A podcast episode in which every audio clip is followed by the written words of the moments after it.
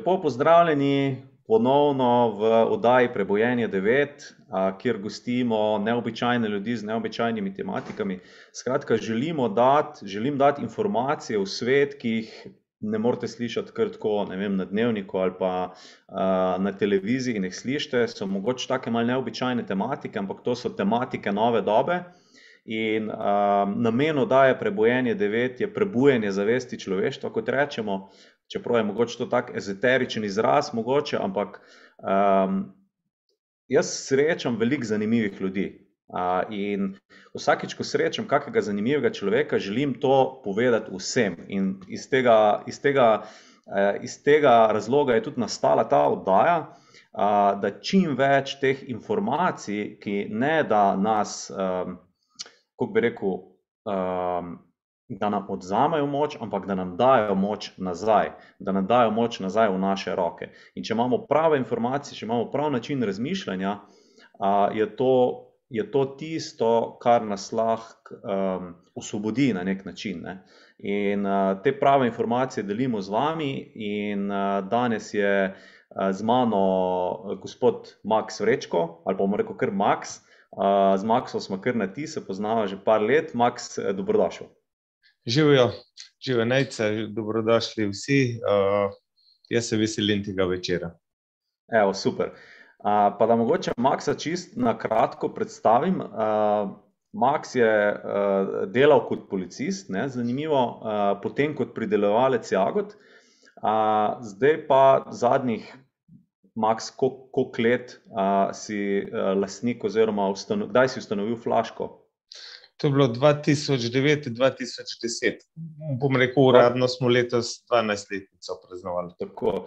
To se pravi, zdaj zadnjih dvanajst let pa, pa je lastnik in ustanovitelj takrat blagovne znamke Flaška, ki izdeluje v bistvu, bom sam, boš sam tudi pol povedal, flaške za pitje vode, ki ustvarjajo informirano vodo. Ko sem jaz to flaško prvič videl, sem mislil, to je pač flaša za piti pač vodo. Flaška, vedel sem, da flaška obstaja, potem si me pa ti kontaktiral, takrat ko sem se še jaz aktivno ukvarjal s prodajo na Amazonu, da bi vi to flaško prodajali na Amazonu, in takrat ko sem prišel k tebi, si pol ti meni povedal, ja, da to ni navadna flaška, da to pač je to flaša, ki pač nekako spreminja vodo, to se pravi, da neki energijski ali pa bomo rekli informacijski zapis in dela strukturirano vodo, in o tem bova tudi še več povedala in boš povedal tudi to zgodbo z jagodami. Skratka, strukturiranje vode oziroma voda je nekako današnja tematika, kakšno vodo piti, bova obdelala, kaj sploh strukturirana voda pomeni, koliko je pomembna čistoča vode. Mislim, koliko je sploh pomembno, da pijemo čisto vodo, ali moramo hoditi na izvire ali je v redu voda iz pipe, take dileme, se mi zdi, ko ima vsak človek, ko nekako reče: "Okej, zdaj bom pa začel skrbeti za sebe, bom začel skrbeti za svoje zdravje," razmišlja, ne. in jih bova poskušala danes odgovoriti. Predaval si v, v tujini, Španiji, Bolgariji, Italiji v okviru svojega dela s, s Flaško in evo, toliko na kratko o tebi, Maks, zdaj pa mogoče kar za uvod, Maks, kako, preden greva na prezentacijo, no, ke vem, da si jo tudi pripravil,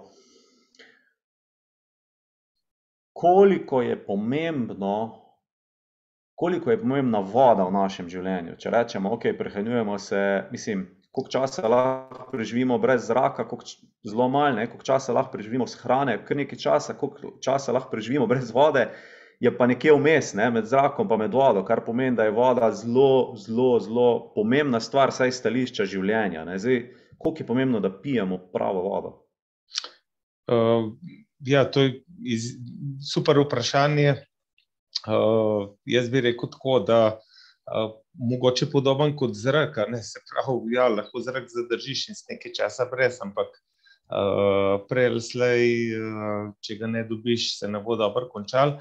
Zdaj, z vodo je podobna stvar, ampak mogoče manj drastična, manj opazna, ne, se pravi, mi lahko kar nekaj časa premalo pijemo, pa se to ne bo poznalo na našem zdravju. Zdaj, če pa to konstantno počnemo, bojo pa prej ali slej prišli neki problemi ven, obstaja precej knjig na to temo, mogoče najbolj znana od dr. Batma Gelidija pri založbi Jara in njegova knjiga, ki je celotna knjiga temu problemu posvečena, se pravi, koliko neko kronično, sicer minimalno pomankanje vode čez leto, dve, tri lahko pripelje do neke kronične bolezni, ki jo pa seveda potem ne moreš takoj odpraviti in jo tudi redki povezujejo s tem, da smo premalo pili. In, ja, in kakšne težave so to? Ja, to je zdaj, če, če tako rečemo, zdaj. Čisto kratko, no. Ta prva stvar, kar je, jaz, jaz nisem zdravnik, ne, jaz izhajam iz, iz neke te čisto kmečke logike, ampak voda je sedemdeset procentov, okej, odvisno malo od starosti, šestdeset do sedemdeset v našem telesu, sploh ta največ v možganih, in pač voda praktično poganja vse, a ne. Kje šele dejstvo, da devetindevetdeset procentov vseh molekul v našem telesu je voda, ker je pač voda toliko majhna molekula, se pravi, to je gradnik vsega. In tukaj noter so, vem, take zanimive stvari, ne, kot recimo, da je nekdo nervozen. Mogoče samo ni dosti pil. A ne, je pri otrocih v šoli se recimo, to je en, ena, ena zadeva, ke smo delali preizkus z eno osnovno šolo v Ljubljani, koliko so otroci popili, in potem ko so uporabljali flaške oziroma popili trikrat toliko vode, je zanimivo, da so postali bolj mirni in seveda tudi lažje so si zapomnili stvari, ker jasno, možgani so pa sploh samo iz vode. tako da tukaj ne bi preveč v neko globoko znanost, rajši bi ostal pri teh čisto splošnih napotkih, pri neki osnovni logiki, ki govori o tem, isto, kot sem jaz pri jagodah ugotovil, če, če pač smo sestavljeni tako rekoč iz vode, je to en ključnih momentov za naše zdravje in enostavno je treba piti, prvič, dovolj vode, drugič pa kakovostno vodo, ne, se pravi, obedve komponenti sta pomembni. Ja, kakovostno vodo. kako, ali pa mogoče kar ostaneva pri tej, pri tej kakovostni vodi, kaj, kaj, kaj pa je kakovostna voda, ne? Glih prej pred tem sva se pogovarjala, ne, okej, jaz vem, da je voda pomembna, zdaj pa, a naj jaz pijem vodo s pipe, ne, čeprav vemo, v Sloveniji, okej, je relativno čista, ne, ali naj jo filtriram ali naj hodim na izvir po njo, pa sploh, koliko vem, čista, jo dati analizo, kako zdaj tukaj postopati, ne? Kaj je tista kakovostna voda? Jaz bi, jaz bi govoril tukaj o dveh zadevah, se pravi, eno je minimalni standard, in ta minimalni standard je tisto, kar zagotavljajo naša komunalna podjetja, in ker je že v osnovi naša voda dobra, tudi komunalna podjetja lahko zagotavljajo kar precej dobro vodo. Zdaj, kje so pa ti koraki naprej, ne, se pravi, ja, lahko imamo oblačila, ki so popolnoma sintetična, lahko imamo pa bombažna. lahko imamo pa iz merino volne in tako naprej, se pravi, tukaj gre, gre pa naprej malo, pridemo do osebne filozofije vsakega posameznika, koliko je pripravljen investirati v višjo kakovost življenja, se pravi, višja kakovost življenja na drugih področjih, pač vsakodnevno gibanje, da saj ni problem, če recimo poješ en, en hamburger v, v McDonald'su, to še ni noben, nobenemu povzročilo nobenih problemov, zdaj če pa stalno imaš slabo prehrano, pa za sabo nekaj potegne, ne. In seveda obratno, ne, če imaš domači vrt in ješ čim več zelenjave iz domačega vrta in si ti tisto zelenjavo, ne samo, da kupiš nekaj bio, eko, pri lokalnem kmetu, ampak če pa ti s svojim trudom in svojimi rokami to solato posadil, zalival, vzgojil, na neki način že ima tvojo vibracijo in je to, in seveda potem še, dajmo reči, ta energetski vidik, da jo poješ manj kot pol ure po tem, ko, ko si to solato odrezal, je to enormen oziroma zelo težko izmeriti ta vložek v zdravje. In uh, kar se tiče vode, je popolnoma enaka stvar. Se pravi, jaz bi rekel tako, da treba se truditi za čim boljšo kakovost vode, do ene mere, ki pa ne obremenjuje uh, naše življenje. Se pravi, uh, da ne delamo iz, iz tega prevelike travme, se pravi, da, da če pač nimamo časa. Uh, Se ukvarjati s tem, potem bomo pili navadno vodo. Če pa uh, lahko posvetimo temu pozornost, recimo, tako kot si ti rekel, greš na izvir, pač ja, meni grede greš še na sprehod in, in uh, si na soncu, zagotovo dobrodejno. Uh, vod, hodiš tam uh, bosih nog, se avtomatsko vzemljiš, itd., pa meni grede še vodo, prineseš domov. Ne? Tako da uh, jaz osebno, načeloma, da bi hodil mm, namensko do izvira po vodo ne hodim, ker, ker mi enostavno ne znese. Če grem pa čez jezersko, se pa recimo vedno ustavim, pa tam natočimo vodo uh, za domov. Ne. Je pa tudi res, da imam doma. Imamo luksus, ker je, ker je voda izjemne kakovosti, uh, in bom rekel, enostavno ni potrebe. Tisti, ki pa si lahko vzamejo čas, sploh vidim, recimo, uh, upokojenci, si to vzamejo kot en, en, en tak uh, prijetno pravilo in pa še za sorodstvo pripeljejo kakšen kanister vode. Uh, Mali tukaj, če se že hod po vodi, seveda treba biti pozoren, da niso to neke, neke, neka plastika slabše kakovosti, ampak da je ali više kakovosti, ali še celo še boljš te ta velike steklenice, v katerih je včasih vino bloze, pa za vodo pride precej prav. Mhm, mhm, mhm. Kaj pa filtriranje vode, recimo te podpultni filtri? Je to potrebno, se ti zdi to potrebno v Sloveniji? V večini Slovenije ne. Jaz bi rekel, da je ta glaven, uh, kako ne rečem, kriterij, je, ali je voda v redu okusa. Če je, ker vse mečken senzorike pa, pa, pa imamo in če je voda dobrega okusa, potem jo bomo tudi dosti popili. Če pa voda ni dobrega okusa, jo pa avtomatsko zavračamo, sploh otroci imajo potem s tem probleme, posledično se jim da sladkane pijače in seveda je diabetes in cel kup problemov pade ven. Uh, tako da, uh, če voda že po okusu ni dobra, uh, je treba, rekel, To je, to je res zahtevna tema.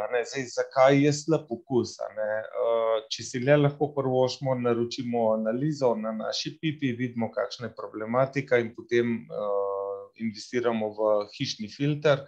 Jaz bi, kar se tiče te, bom rekel, problematike ali pa tega izziva, priporočil podjetje Mesec iz Ljubljane, s katerim imam uh, dobre izkušnje, so res strokovnjaki na svojem področju. Uh, Uh, zdaj pa ne vem, tukaj je tudi vedno kašni postopki, ker ta filtracija vode je, je izjemno širok področje in, in tukaj se lahko, dve, lahko se izgubimo tukaj. Uh mhm. -huh. Da mogoče v tem momentu ne bi tako daleč uh, zašel, ta osnoven kriterij upoštevamo.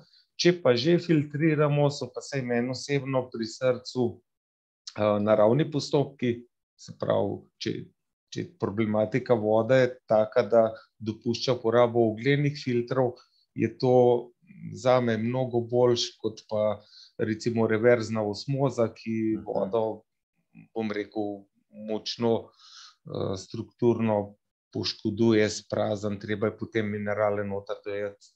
Tako da mhm. reverzna osmoza je uh, sicer vodo popolnoma izprazen, samo molekule H2O ostanejo, ampak na drugi strani ta prazna voda uh, ima pa druge probleme. No. Aha, ok, to se pravi, samo molekule H2O ostane, to je potem nekaj podobnega kot destilirana voda. Tako je, ja, in, in uh, tukaj. Destilirane vode ni, nekako ni, ni naravna, ne? mislim. Ja, tako, če bi bil v naravi, bi pil nekaj iz potoka, verjetno. Ja, tako, ja. Ne, tam pa ni. Um, Te mehko trčimo v, v, v, v, to, da vsako podjetje svoje, kako ne rečem, um, svoje rešitve propagira in seveda zadaj so, uh, bom rekel, ustrezno podprte uh, in v tej zmedi, kaj je dobro, kaj ni dobro, uh, če se dotakne pH-ja vode in bom rekel, nekateri zakisanost telesa rešujejo z višjim pH-jem vode, mogoče bi bilo bolj zmanjšati stres in spremeniti prehrano. Uh, tako da se strinjam, najc absolutno s tabo. Tisto, kar je v naravi, je za nas najboljše, seveda pač za, za, za neko osnovno logiko. Ne. Uh, da, da mislim, kar je v naravi. Zdaj, če je nad tistim izvirom pašnik in je potem tam gor sto krav, zna biti, da pač v času pašne sezone tista voda je, je lahko sporna. Uh, drugače pa ja, izvir vode sred hribov, to je, to je nekaj najlepšega, kar, kar lahko, če, če najdeš in da si ga piješ, in to je en poseben zadovoljstvo. Mm -hmm, mm -hmm. Ja, se že čutiš, ne? če greš. Kakšne hribe pa preteče, tista hladna voda, dol pa jo spiješ, pač čutiš, da je drugačna. Ne? Nekako, eh, kako bi rekel, eh, ima nek energijski naboj noter. Ne? Ja, mm. in mogoče še uh, to, zdaj, če so že ravno pri energijah, ta, ta voda je, uh, da je reč, dozorela. Je, je prišla sama na plano in je, daje energijo. Zdaj, druga stvar je pa, ko pa mi tam, kjer vode ni, seveda vodo črpamo iz potalnice, tist pa se lahko sprašujemo, kolik, kakšen je ta energijski naboj. Mhm, mhm, mhm, mhm. Ja, kaj pa potem recimo termalna voda, ki je tudi načrpana? Ja, zdaj, termalne vode, bom rekel, načeloma ne pijemo. Ne? Zdaj, termalne vode, tukaj sem jaz mal kratek za izkušnjami, kaj, kako, uh, kako je to urejen. Uh, bom rekel, tam hodimo zato, da predvsem to blagodejno temperaturo uživamo, mogoče čist drugo sestavo mineralov, itd. Ampak uh mhm. -huh. tukaj noter nisem toliko, jaz bolj za pitje vode, kot pa za kopanje. Okay. Uh, najlepša hvala vsem, ki, ki naj zdaj poslušate v živo, pa tudi, ki naj boste kasneje poslušali. Ampak za tiste, ki poslušate v živo, lahko v čat napišete vprašanja in bomo pol mi dva bolj proti koncu čez vsa ta vprašanja šla. Veliki bomo tudi zdaj že vmes odgovorila. Sam tako, da veste, da imate možnost napišite vprašanja in uh, jih jaz spremljam in gledam in potem na koncu jih bom, jih bom uh, skupaj z Maxom obdelala. Ok, Max, uh, zdaj smo kar nekaj tem že navrgla. Um, to se pravi, eno mama kvaliteto vode, to se pravi, ali je čista ali ni čista, drugo je pa struktura vode. Ne? In mogoče se pri tej strukturi vode vrnemo v tvoj začetek. Kako si ti sploh prišel do tega, da ima voda sploh neko strukturo? Oziroma, kako kak si začel z vodo? No? Kako si začel ja, raziskovati vodo? Z vodo sem začel bolj iz, iz radovednosti. Uh, mogoče bi to, če dovoliš, potem v predavanju imam uh mhm. -huh. lepo podprto z fotografijami, uh, pa bi takrat to zgodbo delil. Okay. Pom rekel, bo lažje povedati, no, oziroma lažje okay. razumeti. Da ima mi dva iti kar na prezentacijo, tako kot si rekel. Evo. Prav, v redu. Uh, evo, Takole, se vidi? Evo, se vidi se vidi. Super. Super. Uh, tako da, ja, današnje predavanje, uh, skušali bomo biti čim bolj praktični, kar se tiče uh, ustreznega pitja vode.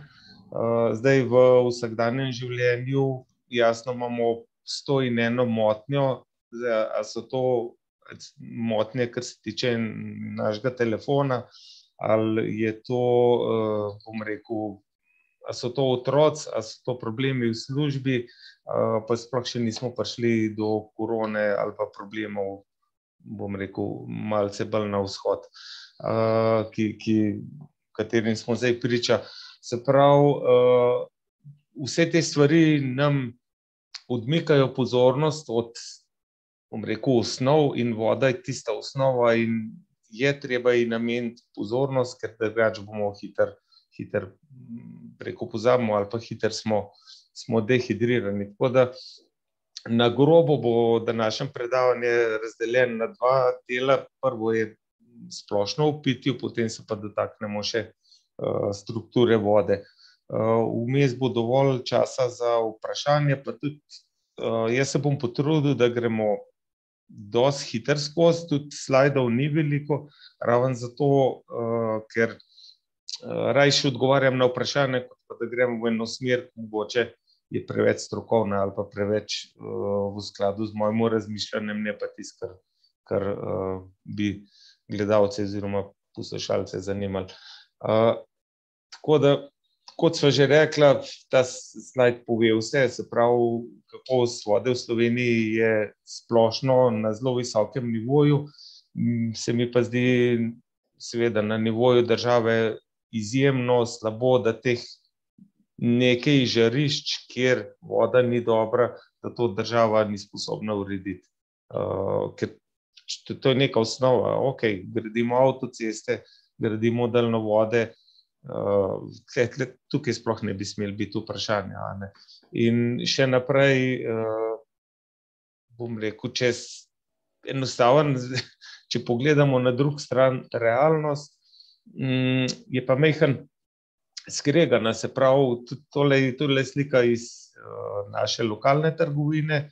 Uh, tukaj pod Karamankami na Gorenskem, voda, voda je super, ni tele, tle, tle res ni dileme.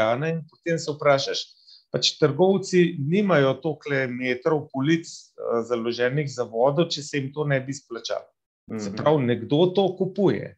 In tisti, ki to kupuje, ustvarja smeti in uh, troši po nepotrebnem denar. Ne? Uh, tako da na nas, na potrošnikih, je, da, da upam, da čez pet let, da bo tukaj samo še eno četrtino tega, ravno za tisto silo. Prvo silo se, ko nisem plastenka, je načeloma uh, ti lahko reži življenje in to je super stvar. Uh, pač, praktična pogrotavšnja, ne samo iz praktične pogrotavšnje, uh, smo prišli v čist, čisto zlorabo in, in ja, ne bi tukaj več zgubljal mm -hmm. besed. Jaz mislim, da da se ve, kaj hočem povedati. Zanimivo je bilo pred časom, ko sem bil v eni, uh, uh, bom rekel, polnilnici vode in smo se z direktorjem pogovarjali uh, pač o tej problematiki. Rekel, jaz sem, mi smo, mi smo lansirali vodo v steklenicah. Tudi nam ni plastika tako všeč, rekel sem, noben ni tega kupoval. Uh, ker je seveda steklo težje, ker je draže, itd. Tako da uh, načeloma, načeloma mislim, da stvari grejo v pravo smer, lahko bi pa mečkam hitrejše šlo. Uh, pa ja, še tukaj, še eno stvar je bil pozor pri plastenkah. No. Uh, ljudje vendarle se zavedamo okoljske problematike in uh, te plastenke za enkratno uporabo uporabljamo večkrat. Se pravi, v te plastenke se potem nataka voda iz pipe, in uh, to ni dobro. Te plastenke so zares namenjene za enkratno uporabo, ko se ta plastika enkrat začne uh, mečkati, uporabljati, valjati sem in tja. Uh, pač to je enostavno škodljivo, ker mikroplastika prehaja v vodo in uh, plastenko za enkratno uporabo, po uporabi, zavržemo in potem pač upajmo, da naslednjič vzamemo tisto za večkratno uporabo s sabo, da nam ne bo tebe, treba te kupovati. Pa samo takrat, ko se mečka, pride do težav te mikroplastike, ali tudi že prej? Uh, ja, tudi že prej, se pravi, uh, po študijah je najbolj problematična zadeva je sonce. Se mhm. pravi, se pravi niti ne toliko temperatura, ampak uh, samo sonce bo povzročilo, da uh, ftalati, se pravi, bisfenol, podobne škodljive zadeve začnejo prehajati. Uh, hormonski motilci, cel kup študij je tukaj narejenih, začnejo prehajati iz plastike v vodo, in tista voda enostavno ni dobra. In uh, meni je zanimiv, uh, recimo, voda iz, iz stekla. Je lahko v avtomobilu, uh, je lahko sparjena, pa še zmeraj bo imela dober okus, kljub, višji temperaturi. Dočim uh, plastenka, ki enkrat tam leži na soncu, to pač ni več, ni več uredno. Ja, pa tudi vprašanje, koliko časa leži tudi taka voda noter v, v teh plastenkah. Ne? To verjetno ni prejšnji teden napolnjeno, pa je drugi teden na policiji, ampak to se nekaj časa je na zalogi ta voda. Ne? Ja, zdaj tukaj vsem uh, trgovine je imel interes, da so izdelki dobri, ker, ker se pravi, da je tudi voda v redu in uh, ta umetna svetloba in tudi, in tudi kontrolirana temperatura ni tako problematična. Ne? Ampak tipičen primer bi pa bil, uh, če, tako, kot sem že rekel, pozabimo v avtomobilu, ali pa recimo gremo v hribe in v nahrbtniku na zunanji strani, v tistem žepku, je pač ta plastenka vode in tam pluška. Pa če že imamo vodo v plastiki s sabo, za hribe ne bo noter v nahrbtniku, da je, da je na temnem in, in na hladnem. To recimo tako malo je treba razmišljati v to smer, uh, če, že, če se že ne moramo izogniti uporabi plastenk. Uh, zdaj, ta, v tem vprašanju sva že kar nekaj govorila, ali je treba filtrirati, kot rečeno. Je ta, ta področje izjemno široko in to bi bil lahko cel predavanje samo na filtracijo vode, tako da če bo ogromen zanimanje o tem področju, ti pa je pač priporočam, uh, da, da strokovnjaka iz področja filtracije vode uh, se dobi, pa bo on, siguren, to lahko boljš razložil kot jaz, uh, celotne postopke. Načeloma, kot rečeno, jo v Sloveniji smatram, da jo ni treba filtrirati, bi si pa želel, da komunalna podjetja uporabljajo uh, recimo UV filtre na mestu kloriranja vode, se pravi, pač napredne postopke za zagotavljanje ustrezne kakovosti. Uh, seveda pa vsaka investicija, ki si jo naredi v, v to smer, bo pa pozitivno vplivala na zdravje. Ne. Je pa potrebno vodo klorirati. Zakaj? Zato, ker je, ker, uh, ker je, ker je v teh rezervarjih toliko časa in se lahko razvijajo uh, uh, Kaj, zakaj, zakaj se klorira voda sploh? Uh, zdaj bom rekel, tako zelo zbanalizirano ali pa preterano, če jo ne bi kloriran, bi bila lahko kolera ali pa kakšne te resne, resne bolezni. Tako da, odkar imamo kloriranje, te problematike ni. Um, Da problem, ampak, to je, ampak, to je zato, ampak to je zakaj? To je zato, ker stoji voda. Ker recimo v naravi, v naravi je, ni, ni tega. Ne? Mislim, a lahko tudi, recimo, če iz potoka piješ, dobiš to bakterijo, te bakterije. Te. Ja, zdaj,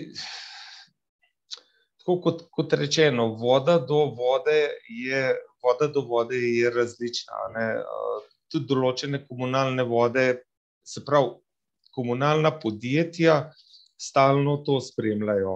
In glede na problematiko, se pravi, stalno se analizira, uh, glede na problematiko, se pravi, vsebnost organskih uh, snovi v vodi, problematičnih, se potem to klorira.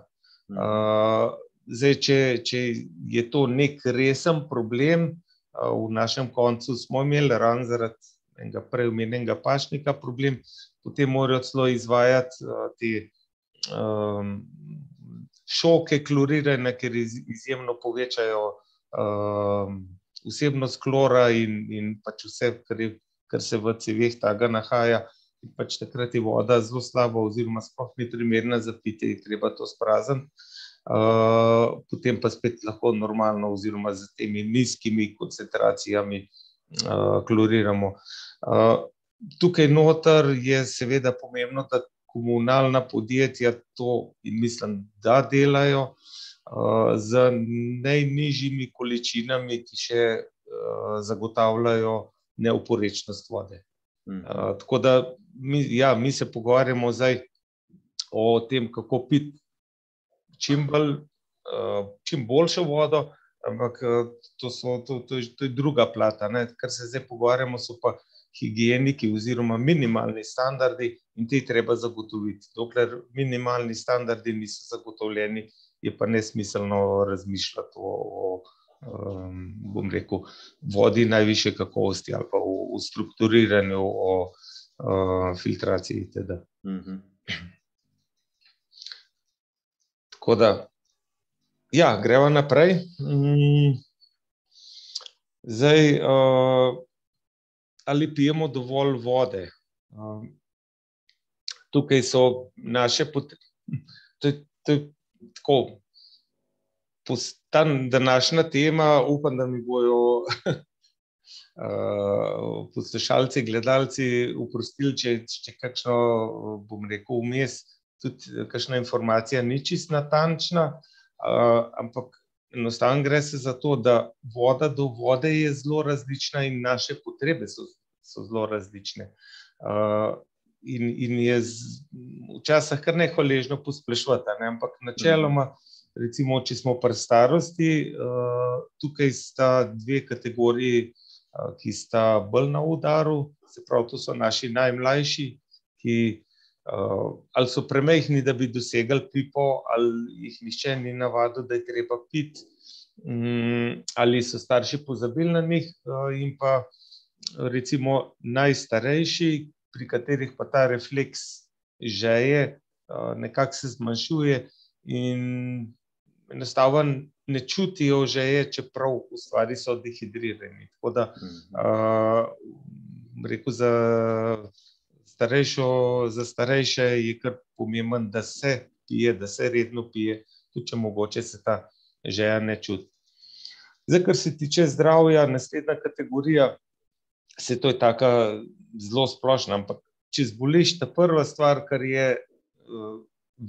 se ti naredi, lahko da imaš temen urit. Se pravi, avtomatsko telo je počrpalo vode za, za, za boj proti uh, bolezni, in takrat je treba veliko piti, zdaj voda, čaj, karkoli že.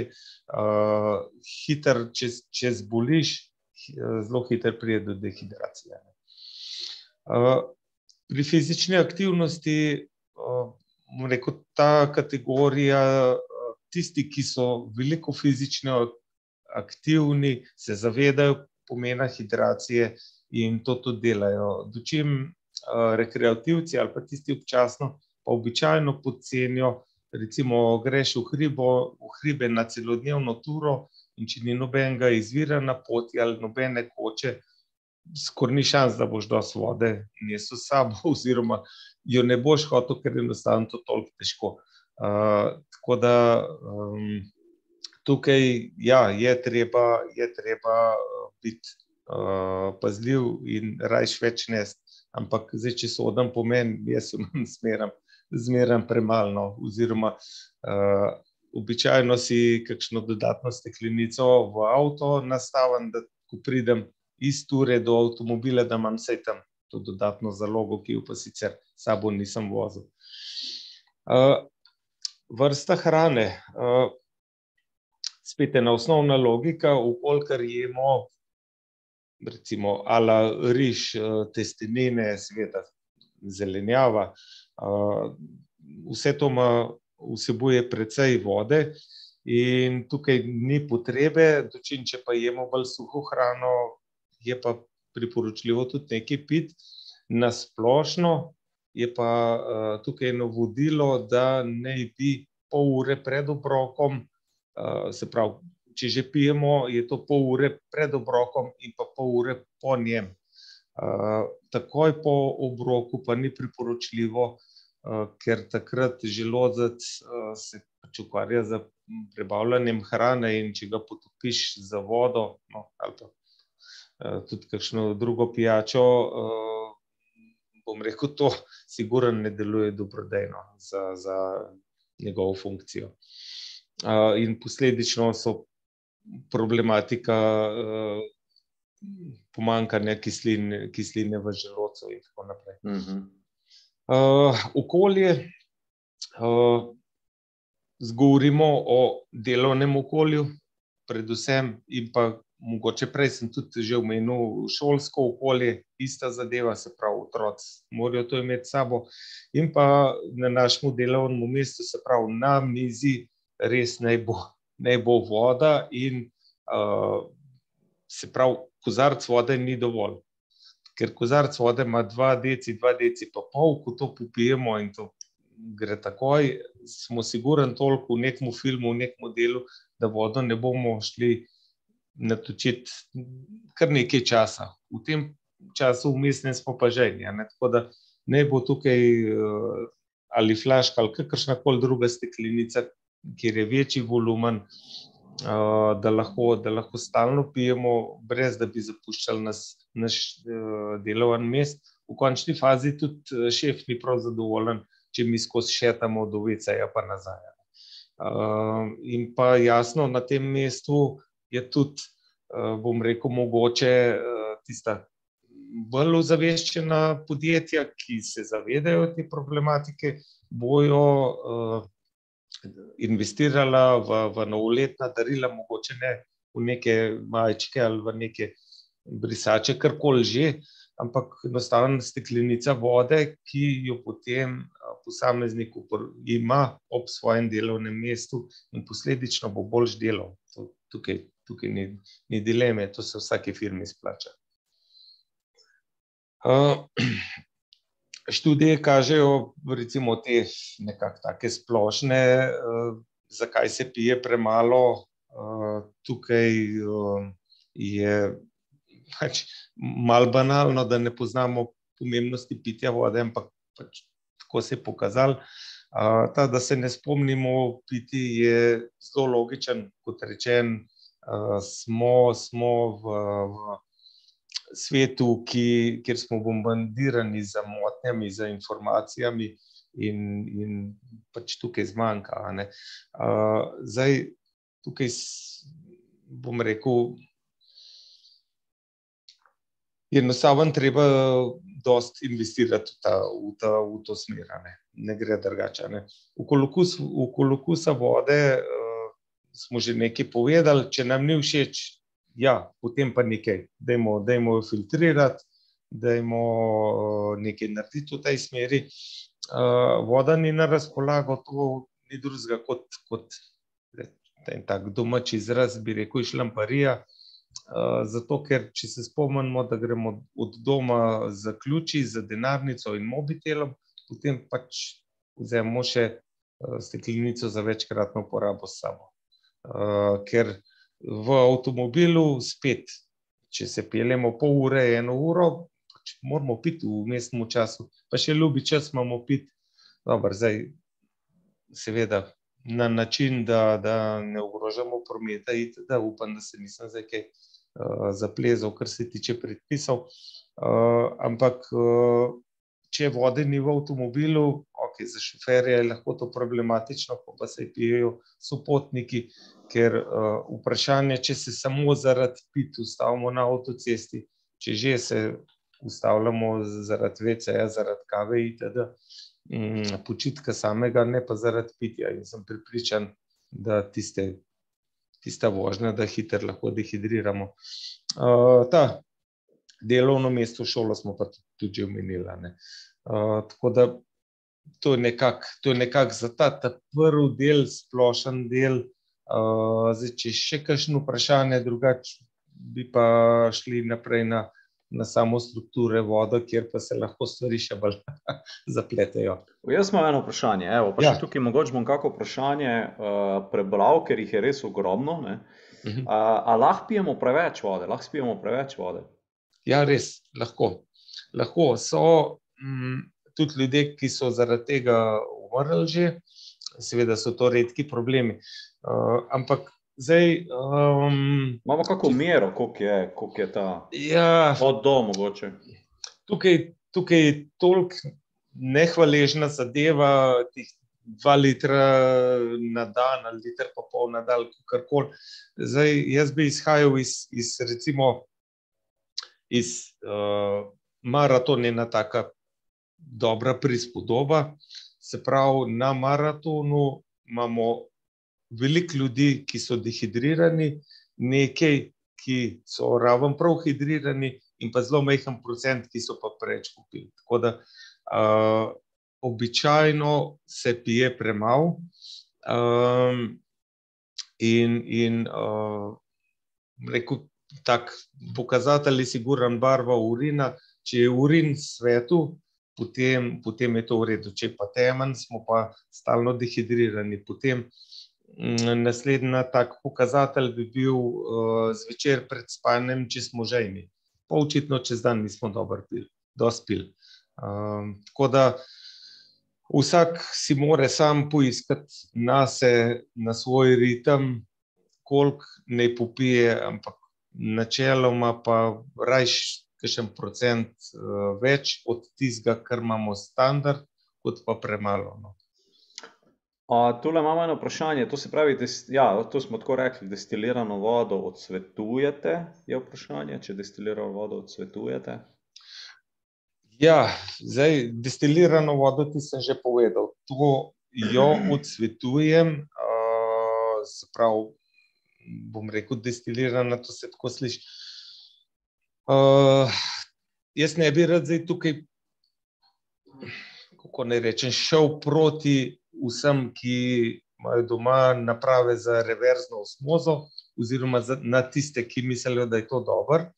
Uh, ja, reverzna osmoza, oziroma voda, ki nima čiste žlice kot H2O, je za kakšen na kakšen kratek rok za čistilno kuro ali uh, kaj podobnega, lahko tudi v redu. Uh, na dolgi rok pa mislim, da tukaj nima nobenega smisla, da voda more vsebovati vsebovat, uh, minerale, da more biti enostaven, čim bližje tisti, taki kot je v naravnem okolju. Zdaj, tukaj imamo eno vprašanje, kako priti do alkalne vode. Pa če je sploh mogoče pol tudi pod vprašanje, če je sploh v redu piti alkalno vodo, pa kaj sploh alkalna voda je? Ja, to je, to je tisto, kar uh, sem se že prej dotaknil, se pravi, to je voda z visokim pH-jem, uh mhm. -huh. ki je prišla ven uh, kot, kot nek odgovor na uh, rekel, zakisanost telesa, ki je prisotna pri, bom rekel, kar veliki uh, pri velikem številu ljudi, in potem, seveda, z uh, alkalno vodo se poskuša to zakisanost telesa uh, zbijati. Zdaj, uh, kot sem že rekel, jaz bi raje kot alkalno vodo, uh, bi se ukvar, začel ukvarjati z, z uh, zdravim načinom življenja.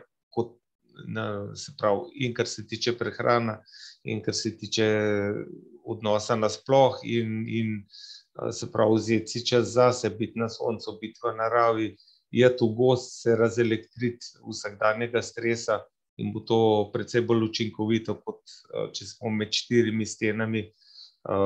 In, in bom rekel, smo podvrženi tem umetnem okolju.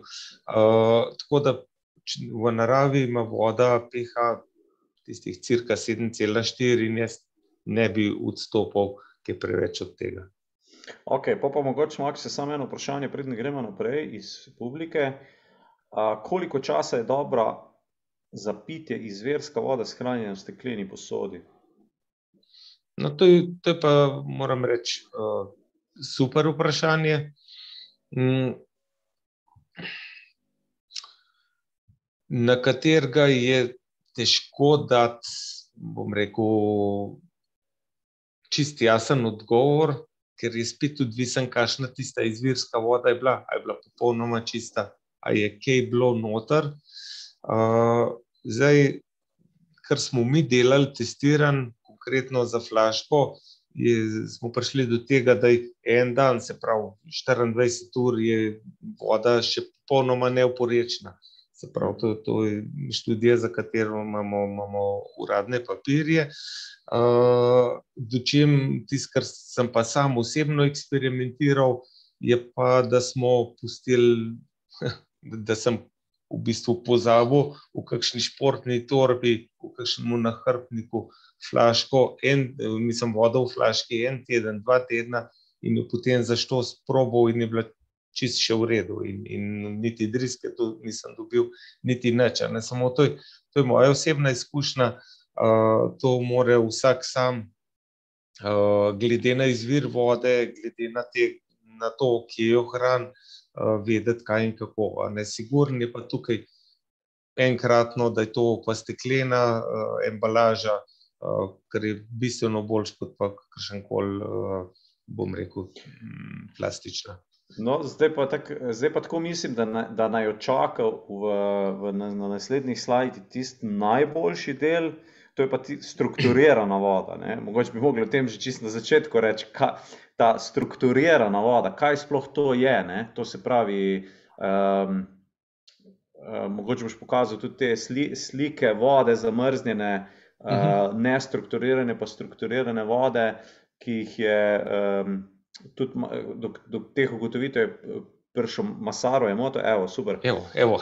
evo, pa ti kar predajam besedo. No? Gremo, ja, ja. Zdaj smo šli od te, to se pravi, kakovosti, čistoče in teh osnovnih, zdaj pa kaj pa je strukturirana voda, kaj pa to, pa zakaj je sploh to pomembno. Ja.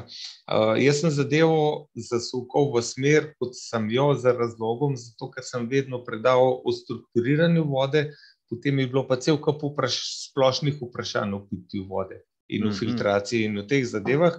Tako da smo, bom rekel, v tem predavanju šli kontra, se pravi, iz splošnega v to posebnost.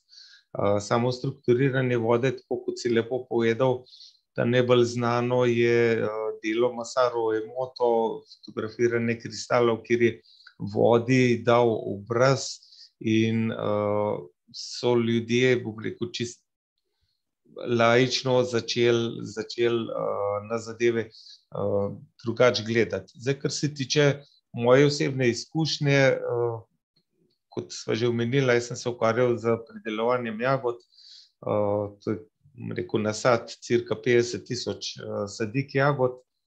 In ko je leta 2003 en uh, kolega mi povedal, da je rekel, možnost za strukturiranjem vode, pride do boljšega pridelka, je bilo tukaj meni, jaz sem bil takoj za, ker je rekel, čist, čista logika. Sadež ima 89% vode in če na vodi nekaj narediš, bo sigurno boljši pridelek, ker sem se do tistega momenta ukvarjal samo z uh, izboljšavami, kar se tiče zemlje, se pravi analiza zemlje, dodajanje hranil itd. Z vodo pa pač ne. Uh, Uh, zdaj, tole sistem, ki smo ga imeli tukaj noter, so keramične cevke, vod, ki so bile informirane, in tudi voda se je noter vrtinčila, in potem je šla naprej k jagodam. Uh, meni je bilo fascinantno takrat, da ko smo delali ta eksperiment, pravi, jaz sem nivo razdelil na dva dela. Na enem delu je bila strukturirana voda, na drugem pa navadna. Uh, takrat sem jaz, se pravi, en mesec in pol po, rekel, po tem, ko smo sam filter namestili, uh, hodil v nasad in ni bilo nobenih razlik. In sem bil že, že na tem, da pač, okay, ne dela, niti nisem vedel, zakaj, zakaj ne. Uh, ampak uh, bom rekel, ni delal, ni delal, še takrat ali pa nek čas, more preteči oziroma da imamo drugače reči. Na samih listih se ni upazil, oziroma kasneje bomo videli eno zanimivo fotografijo. Ko pa smo mi začeli pa same jagode ubirati, je bila pa, ti povem, ne, to, to, ne, tako izkušnjo bi, bi privoščil vsakmu, ki tist, mogoče malo težka beseda, ampak kot da doživiš razsvetljenje. Uh, ker, ker razlike v okusu, v obstojnosti sadežev so bile enormne. Uh, na delu, kjer je bila strukturirana voda, smo imeli 18% več jagod. Tako da ne tako, kakšen procent, ampak 18% je, je ogromno. Um, tako da, ali pa recimo, če gre tudi odpornost na bolezni, to, to je bilo nevrjetno. Uh, Ker tega ali pa tukaj spet fotografija več eh, pokaže, kot da jaz razlagam. Se pravi, to so pa jagode fotografirane po končani sezoni ubiranja in na desni strani se vidi, koliko so utrujene in na levi strani vitalne in pripravljene na še eno sezono. In to je, to je recimo podoben, kot če gledamo enega šestdesetletnika, ki je bolj vitalen kot štiridesetletnik. Se pravi, eno je, kaj, kakšen imaš emšo, druga stvar pa je, recimo, koliko, koliko imaš te življenjske energije, koliko si sposoben premakniti, a ne. In, tukaj pri jagodah to, se pravi, jaz sem dobesedno globoko začel vdihati v misli, okej, če pa to tako funkcionira pri jagodah, kaj šele na drugih področjih, saj, saj, saj voda je povsod, a ne. tako da, to je bilo potem, bom rekel, izhodišče za mojo nadaljnjo pot, ampak mi smo še šest let, uporabljali strukturirano vodo v Jagodah, tukaj lahko povem cel kup enih anekdot, se učili, začel sem študirati zadeve, kako sploh funkcionirajo, in, bom rekel, to je bila ena osnovna šola, na kateri potem lahko gradiš naprej, ne. zdaj, kot eden, rekel, jaz sem bil pač prvič skeptičen, po drugi strani pa radoveden, ampak zdaj, če gremo splošno, zakaj ne bi strukturirali vodo, je zato, ker iz, iz že iz dveh, iz teh dveh fotografij je jasno, da voda, ki teče v naravi, se skozi vrtinč, zrak ima dostop do nje, tudi sončna svetloba itd., dočim, voda v ceveh ne teče naravno in ta njena notranja struktura se ruši. To je že leta... Maks, zdajle sem dobil eno idejo, ne. Ja. Se mi zdi, da, da je podobno recimo kot mleko od krave, ki je v, ki je v hlevu, pa mleko od krave, ki se veselo pase na pašniku, kjer ima dostop do sveže hrane, kjer ima dostop do, do, do, do, do zraka, ne, kot si rekel, tudi voda. Ja, ja, absolutno. Saj, a ne, tudi mi kot vodna telesa, tisto, ke sem že prej rekel, meni se naredi, recimo jaz res, mislim, vsak dan moram biti na zraku, jaz vem, kako je s tabo, Nejc, zgodilo se mi je parkrat že, na kakšni poslovni konferenci, da si cel dan zaprt v tistem hotelu noter in pač je treba oddelati, kar je oddelati, in nimaš dostopa do, do, do sonca, do, kako bi rekel, do narave in, in to, to te ubije. In, moraš iti vsaj malo ven, vsaj malo, da, da, ker, ker drugače se tudi, naša notranja struktura ruši, a ne. je pa, bom rekel, to ni strukturiranje vode, to sploh ni nekaj novega, se pravi, leta tisoč devetsto trideset je Schauberger že naredil prvo napravo za, strukturiranje vode, tako da jaz sem, rekel, prek njega, to je bilo prvo, prvo delo, ke sem ga prebral iz tega področja, in tukaj začel te koncepte spoznavati, ne. tako da zdaj, če malo tako gremo v teorijo same molekule vode, se pravi, najprej, da nekaj razčistimo. To je, to je zelo pomembna, zadeva, ki je sicer nisem napisal. kaj voda je in potem je tisti osnovnošolski odgovor: voda je Hdvo.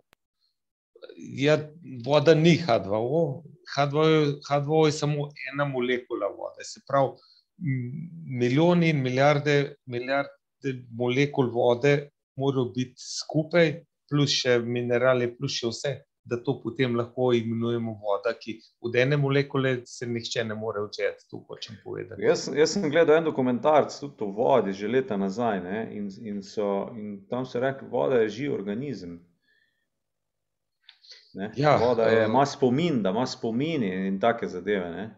Ja, ta, spomin vode je ena persona non grata v znanstvenem svetu. Pač to se že Jacquesa Benvenista naprej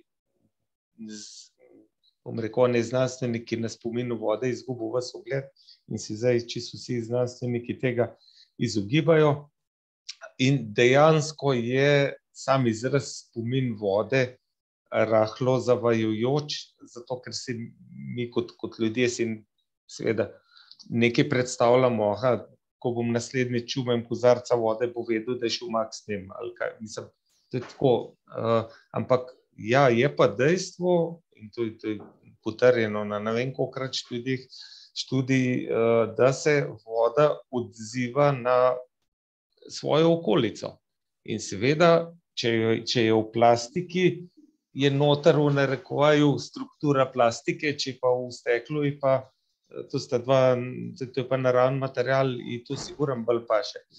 Uh, in uh, če govorimo o tej nestrukturirani vodi in urejeni strukturirani, uh, tisto, kar znanstveniki ugotavljajo, da um, recimo, če vzamemo en tipičen kozarc vode, da noter obstajata obe dve, obe dve in strukturirana voda in nestrukturirana, zdaj pa v kakšnem procentu ko govorimo o strukturiranju vode, dvigujemo odstotek urejene uh, strukture, ki je tudi tista, ki, ki, uh, ki jo lahko sprejmejo naše celice, uh, dočim ta kaotična je pa tista, ki, ki je uh, nam rekel problematična, ampak je treba, če tako vodo popijemo, jo pa telo seveda more predelati v tisto, uh, ki jo potrebuje.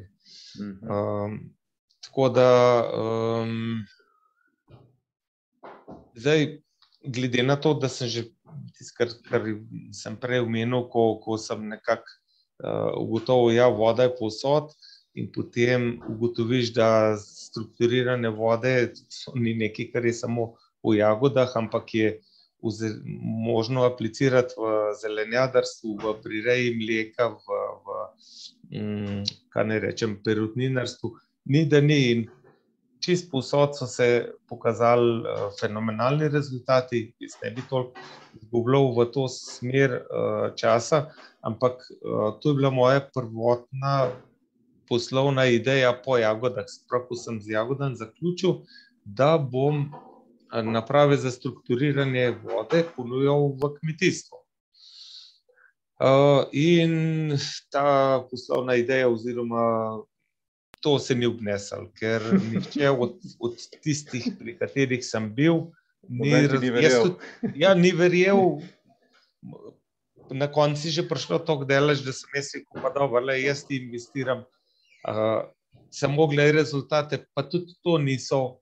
Ojoj, ja. do, bom rekel, dovolili ali kar koli. Se pravi. Uh, Preveč, preveč, ja, in dons, preveč in dons, noro. ja, preveč noro, ne samo. Ja. Treba se nekaj zavedati, ne se pravi. To, to vrtičkarstvo, ali pa bom rekel, določeni manjši pridelovalci so šli v to smer za biodinamiko, za, za uh, se dvigujejo standardi. Ni, ni tukaj, se pravi, eno je ekološka pridelava, lahko se gre mnogo več kot samo ekološko. Uh, pa vendarle uh, kmetijstvo, pa nasplošno, uh, pa postaja zmeraj bolj industrija, pač roboti mozejo krave in tako naprej. In, in splošna kakovost hrane, uh, hrane pada. Seveda, lahko pa pogledamo v ogledalo, ker mi kot potrošniki pa hočemo imeti čim bolj poceni hrano, in tako naprej, in tako nazaj. Mm. Zdaj je širša problematika si jo ne bi uh, dotikal. Ampak to je res fascinantno. Ne se pravi, recimo, zakaj ne bi pekarna uporabljala strukturirane vode, če že ne vem, koliko drugih pekov ugotovili, da ta kruh del časa ostane svež in da imajo ljudje manj problemov želočnih uh, za kruhom. Tako da, ampak ja, da nam preveč uh, zašli. Um, kot rečeno, od tega izleta v kmetijstvo, ki se je mi ni obnesel, je prišla ideja v flaški. Mi smo tehnologijo iz jagod tukaj noter aplicirali in zdaj pač 12 let že flaške pošiljamo po celem svetu. Zdaj ne bi jaz tukaj o flaški kot napravi za strukturiranje vode več kot toliko namenil pozornosti, ker ni, ni zdaj oddaja, da delava promocijo za, za izdelek kot tako, kot, ampak bolj v smislu na splošno o pitju vode in o, o tem, kako lahko pijemo uh, boljšo vodo, ker flaška je samo en od načinov strukturiranja vode. Tukaj je izdelkov, kar jih češ. Uh, sam si že povedal mi prej, da kristale uporabljaš, se pravi, potem lahko vodo vrtinčimo. To so, to so vse, recimo, te prvi štiri, so vsi zaston, um, skoraj za ston, no? kristale mogoče še moramo kupiti. Um, koncepti za strukturiranje vode, dočim same hišne naprave pa znajo biti precej drage. Uh, in pa tako, kot si rekel, že ti, vodok študentu, to je siguran, super. Zdaj, uh, da se peleš samo po vodok študentu, mogoče ne tako ekološko. Um, če pa to mimo grede, pa to super stvar. Aha, ta študenčnica, to se pravi, pa tudi voda iz potoka je pa strukturirana. Ja, zdaj, zdaj tukaj se pravi, če, če ena, ena razmejitev, kaj je izvirska voda, pa kaj je strukturirana voda. Uh, uh -huh za me je izvirska voda tista, ki je pretekla ven, pač v tistem izviru in jo direkt pijemo, in je taka, kot je naravna.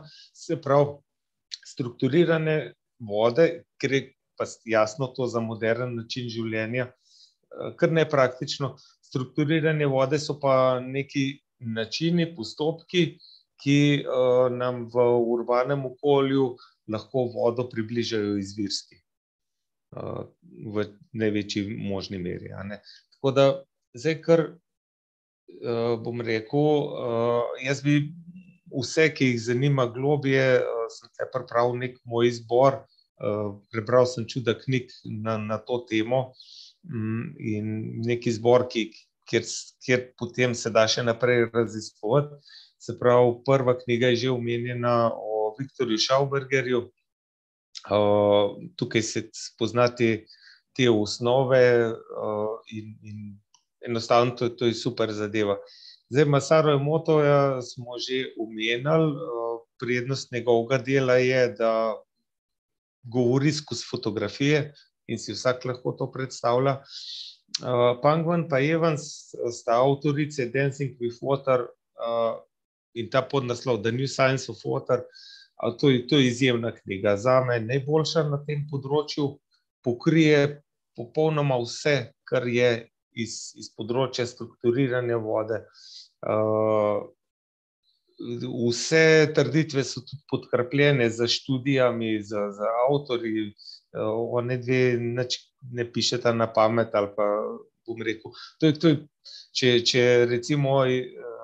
Prva pa druga knjiga predstavljata samo eno smer, uh, je pa Dancing with Water uh, izjemno kakovostna knjiga. Zdaj, um, Polak, uh, Jerry Polak, uh, četrta faza vode, to je, bom rekel, izjemno znanstveno delo, ki dokazuje tisto, kar se ne sme izreči, se pravi, da voda ima spomin, da, da ima strukturo, uh, da se obnaša drugače, kot, kot so. Pričakovanja. On je na njegovi univerzi zaradi svojega dela imel zelo velik težav, ampak je ustrajal tako, da je precej debela knjiga, ampak zanimiva. Pa seveda slovenska munika zdravili izviri to. Pač je tudi, je tudi uh, super prebrati in vedeti, kateri izviri za, za katero zadevo so. Zdaj, Uh, evo, tole je tudi ta zadnji slajd, s katerim bom poskusil zaokrožiti tisto, kar smo se zdaj pogovarjali. Se pravi, da, kar smo že na začetku povedali, da imamo piti iz pipe, ne iz plastenk, ker, ker je pač to dobro za vse. Uh, druga zadeva, bi jaz rekel, oziroma druga točka. Uh, vse pijače, zdi se mi fascinantno. Še celo nekaj časa sem razmišljal, da, tako, da bi zares intenzivno začel delati na tem, da um, iz pitja vode, da se naredi en ritual. se pravi, ritual ali pa, ali pa en, en kako, kako, ne, danes imamo, uh, nobenemu ljubitelju piva ne bo prišlo uh, na pamet, da bi, oziroma vsi ljubitelji piva, da jim reč drugače, vejo, da je pivo iz steklenice boljš kot, kot iz pljučevinke.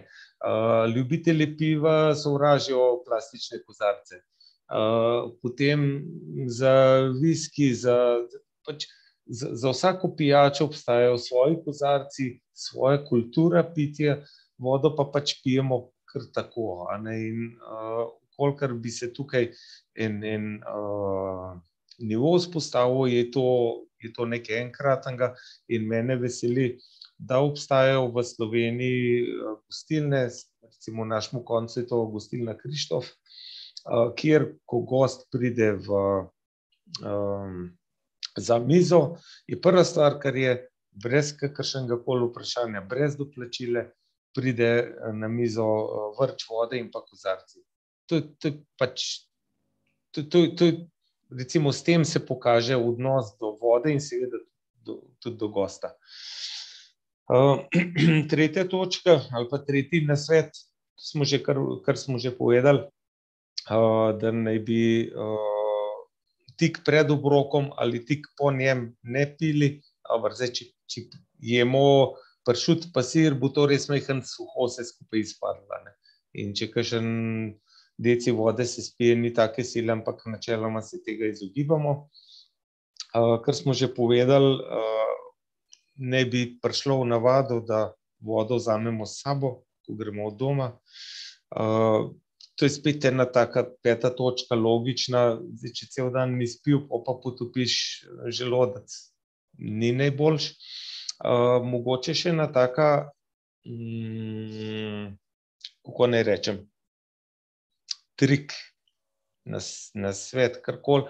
Se pravi, ne da gre voda direktno uh, v, v, v, v grlo, ampak da ko pijemo, da mečkam po, po um, ustni butlini da, da, da pač že, že tukaj nekaj usrkamo vode uh, vase, ne samo da gre direkt v želodec. Uh, ena taka zanimiva dilema je pitje pred spanjem. Načeloma se to odsvetuje, ker uh, itak so vsi procesi med spanjem, kar se tiče telesa, upočasnjeni. Zdaj, če si pa tik pred spanjem pil in potem je v treh, štirih po noč treba ustati in iti na vece, sistem naredimo več eh, škode kot koristi. Tako da to nočno ustajanje za naveci ni najboljša stvar. Če se nam to dogaja, pomeni, da smo čez dan eh, premalo pil in potem pač preden greš spat, greš še na veci, eh, ne piješ in bi mogel noč zdržati, če si zdrav. In pa zadnja točka, zdaj, če to piješ, tako, kot je treba, se pravi, da si vzameš tisto sekundo, dve, tri, da ne razmišljaš o, o službi, o otrocih, o tem, da nam bo malo benzina zmanjkalo, ali pa da bo na en kakšna lakota. Prav, če se ukvarjaš z problemi in strahom, pojdi na nek način to piješ. Zdaj, če pa rekel sem malo ozemljiš, osredotočaš in si hvaležen za vodi, kar ti, da, kar ti daje, bo tudi ta, ta uh, moč vode, to, kar si popil, uh, ti, ti bo mnogo bolj koristna. Tako da, uh, ja, evo, uh, to je, kar se tiče slajdov, vse, zdaj pa, kar je še vprašanj, dobrodošla.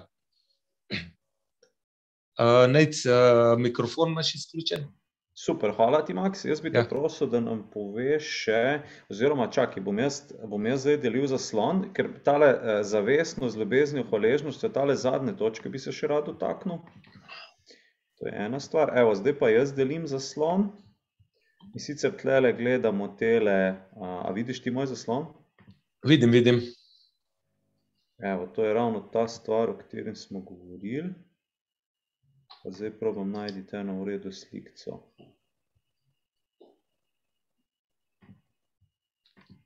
Evo, to je recimo, ne? Uh mhm. -huh.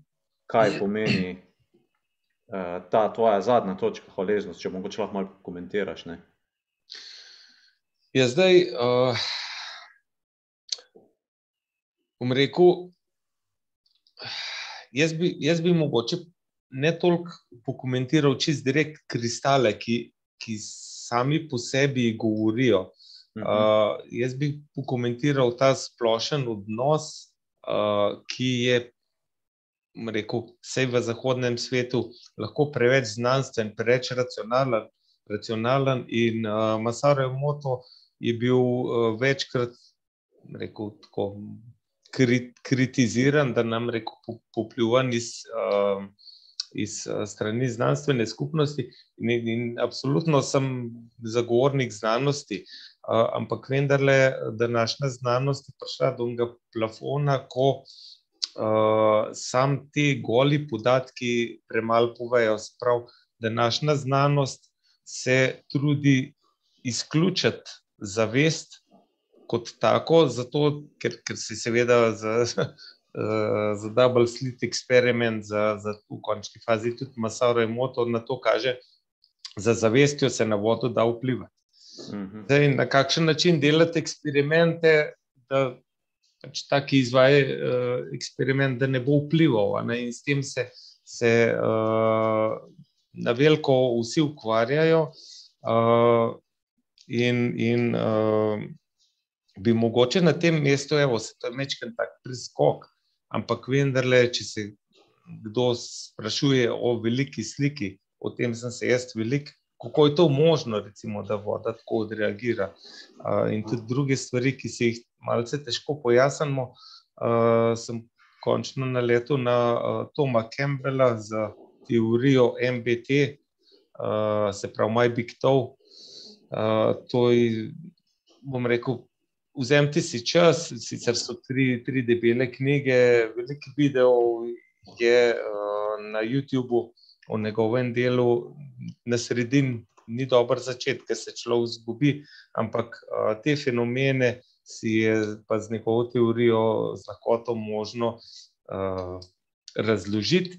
In pač predvsem se zavedati to, kar mislim, da zdaj uh, naj malo poskušava uh, zaokrožiti vse skupaj, da pač ja, uh, mi vplivamo na okolico in naša okolica se odziva na nas, in voda je, je tako drobna molekula in to, rečemo, milijard jih je v eni steklenici, da, da to tudi pokaže. In uh, Masaro je moto je z njegovo, njegovim pristopom, ki mogoče da ni bil tako strogo znanstven, ampak je vnesel noter uh, tudi malo te umetniške komponente, ki ni, se pravi, ne, mor, ne moramo biti samo strogo racionalni. Uh, ta, ta druga komponenta je pomembna.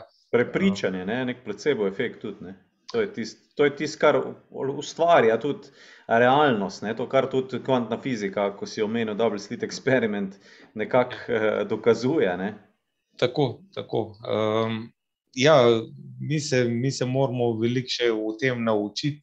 In, uh, ne, ne da, da Eh, kritiziramo tistega, ki je nekaj naredil, ampak se začnemo sprašovati, zakaj je dobil take rezultate in kaj lahko iz tega ven potegnemo. In uh, tukaj tisto, kar vse, zdaj, če gre spet na masare moto, je zelo enostaven. Se pravi, strah uh, ruši strukturo, ljubezen jo pa gradi.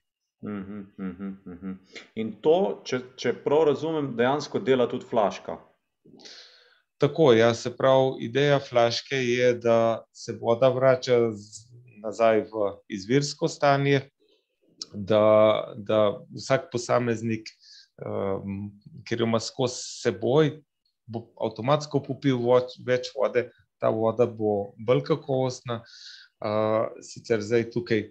Bolj kakovostna, tukaj sem zelo na, tenki, na tenkem ledu, ker rekel, um, um, službe, ki, ki skrbijo za to, da potrošniki niso zavedeni, uh, bi te zastrigle z ušesi, uh, kaj je boljš, kaj je slabš. Tukaj moram biti zelo prividen pri uporabi teh besed.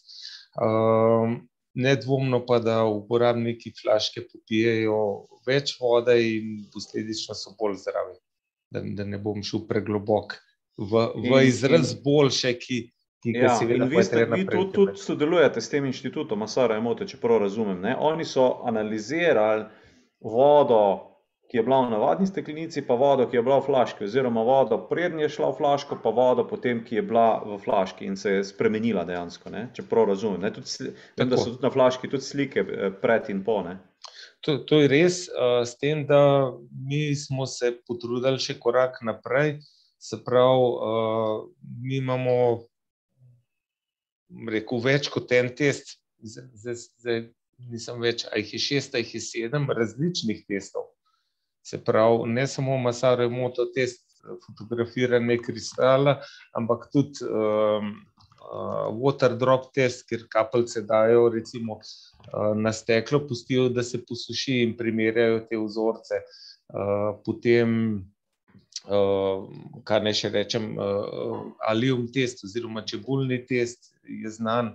Uh, tako da mm, delali smo tudi eh, ta zadnji test, je bil v enem francoskem laboratoriju, kjer se je ugotavljal, kakšen je vpliv strukturirane vode na, bom rekel, kulturo, na, ki je v našem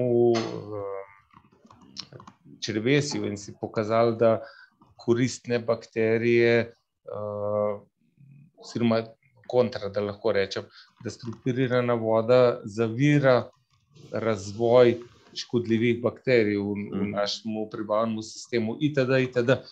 Tukaj bi sam želel to poudariti.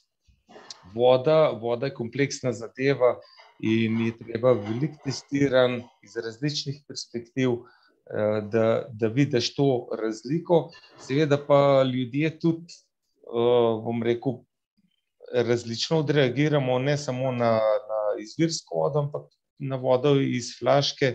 In uh, moram reči, da so komentarji, ki jih dobivam nazaj, izjemno pozitivni in to je tisto, kar nas um, žene naprej. Mhm. Uh, kako pa je, v bistvu, kako pa vi, to se pravi, ta informacija, oziroma kako, kako flaška strukturira vodo, to mene zanima.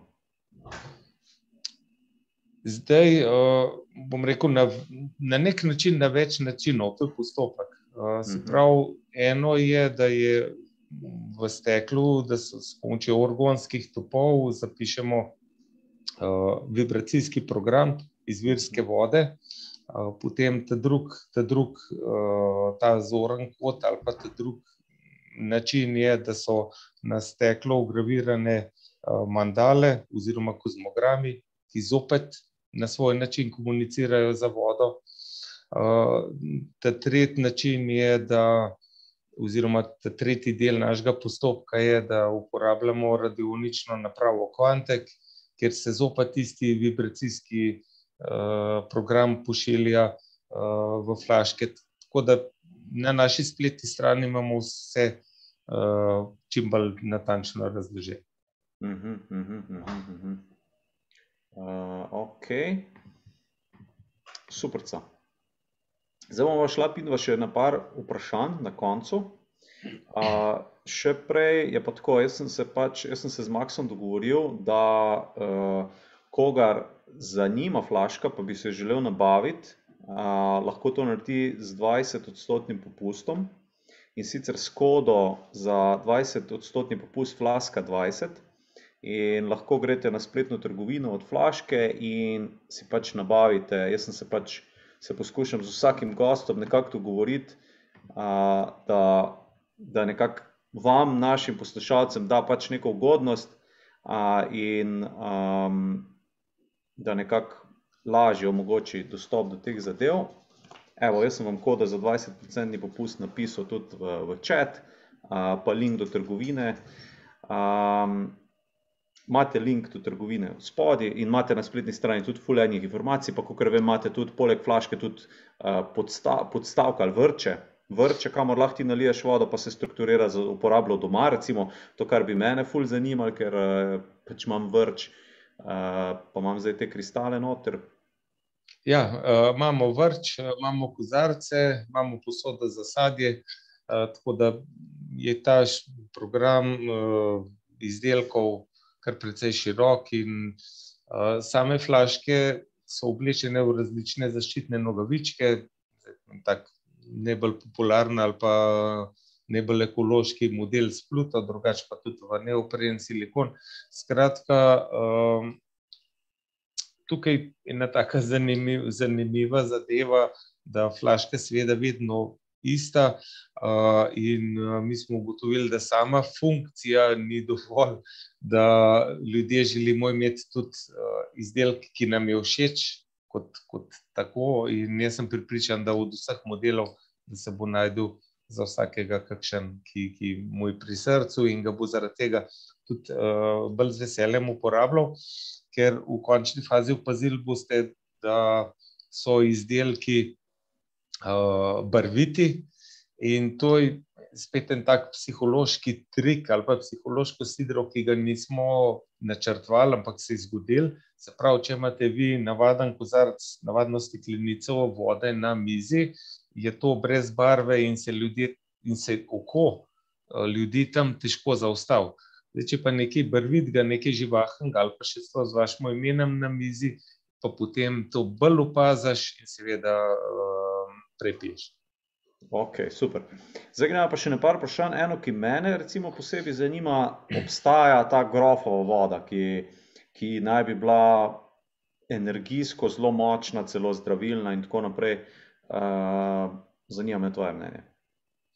Ja, ta, ta voda je po gospodu Munichu, ki se je tem, s tem nič ukvarjal, voda najvišje možne energetske vrednosti in enostavno jaz bi jo vsakemu priporočil. Pa to je tudi, bi lahko rekli, je dobro, da, da je toliko dobro strukturirana, je to, je to isto?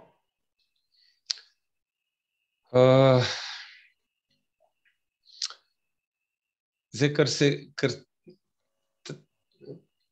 tukaj, tukaj je težko, ker bom rekel, ta vibracija vode je vendarle nekaj, kar ne moremo videti, to je to ena zadeva, druga zadeva pa je, da vsak na vodo drugače reagira, ali pa dajva, dajva dati mogoče boljši, boljši primer bi bil iz sveta glasbe.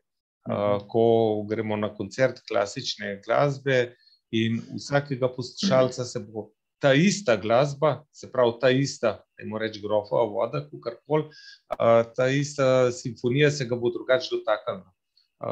ljudje, ki so, ki so na, na, na, na, rekel, na zadosti visokem nivoju, bojo mogoče celo jokali, toliko, toliko bojo lepega čutili noter.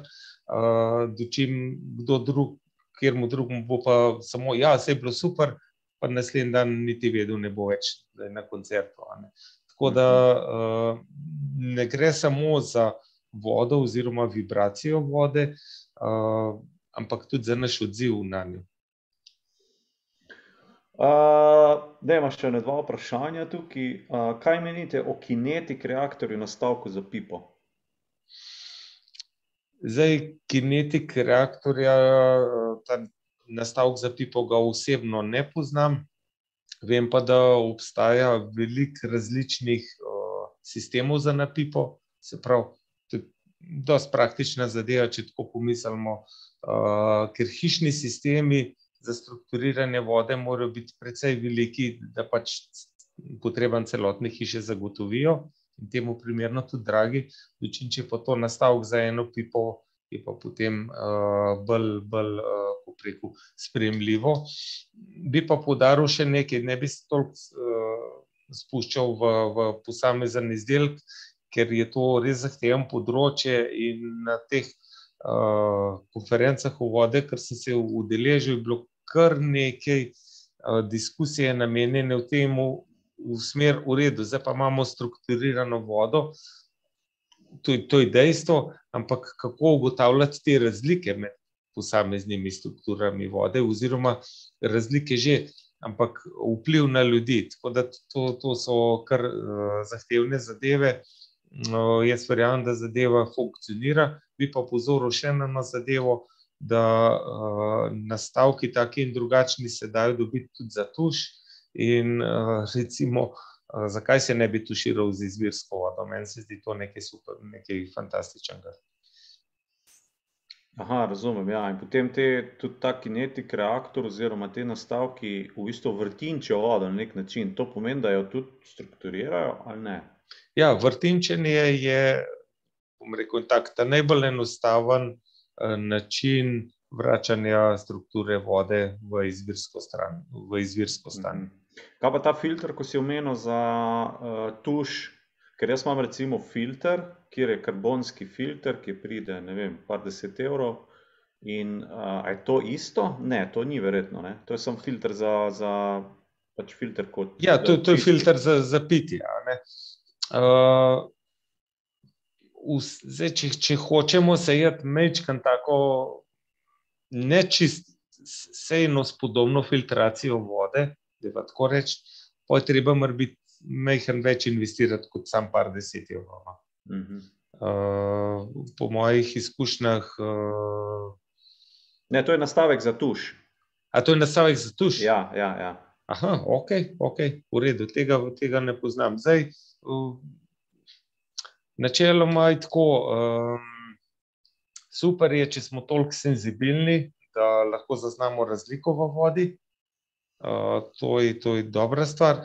Zdaj, če smo pa v, v nekih, bom rekel, dilemah, takih in drugačnih, bi pa enostaven. Tisti, ki so dosti radovedni, bi jim priporočal, da se naučijo delati z nihalom, ker je to s tem, bom rekel, malo lažje. Uh, naše telo spremenimo v anteno ali pa dvignemo senzibilnost. In ko enkrat znamo z nihalom meriti, potem lahko na zelo enostaven način izmerimo te razlike v vodi, in nismo več toliko v dilemah. Ker jasno, tudi uh, posamezna voda na posamezen ta sistem za izboljševanje vode drugače reagira. Ok, super. Zdaj imamo pa tule še vprašanje. Um, eno vprašanje bomo še vzeli, potem bomo počasi končali, smo že kar malo dolga. Um, aha, komu najdem vode, vodo v analizo? Uh, kot rečeno, jaz bi priporočil že omenjeno podjetje Mesec, da se z njim posvetujejo, pač pokličejo in bojo oni povedali, kakšen je nadaljen postopek, oziroma prišli vzeti vodo na analizo. Drugače, a ne zdaj, ukolikor govorimo o tej bolj poglobljeni analizi. Dočim pa za osnovno analizo, jo pa more že samo komunalno podjetje zagotoviti, oziroma na voljo pri njih, kaj je v vodi. Ampak uh mhm. -huh. mislim, da govorimo o tej bolj napredni ali pa bolj mm, zahtevni analizi vode. Uh -huh, uh -huh, uh -huh. Ok, super, Max. Hvala ti, da si z nami podelil vse te informacije, kar se tiče v bistvu vode, pa predvsem strukturiranje vode, ne, kar je v bistvu še bolj taka fascinantna uh, tematika. No? Tako da, evo, ti prepustim zaključno besedo. Um, ja, uh, hvala najc za povabilo. Jaz sem zelo vesel, da sem bil tukaj. Uh, tematika je. Tako kot smo videli, ne, je, je široka, je globoka, v več smeri se prepleta, tako kot je voda prisotna na vseh področjih našega življenja. Tako, uh, je treba v njej razmišljati, se ji posvečati, in enostavno, ker bomo mi vodi dali pozornost, jaz sem pripričan, da se bo to desetkratno ali pa stokratno vrnil nazaj, in želim vsem vse najboljše in veliko dobre vode. super. Ok, super. Uh, vsem, ki ste me poslušali, najlepša hvala. Uh, in se vidimo čez nekaj časa z naslednjim gostom v naši oddaji Prebojenje 9. In to je to. Imejte lep ponedeljkov večer in lep teden in uh, vse lepo.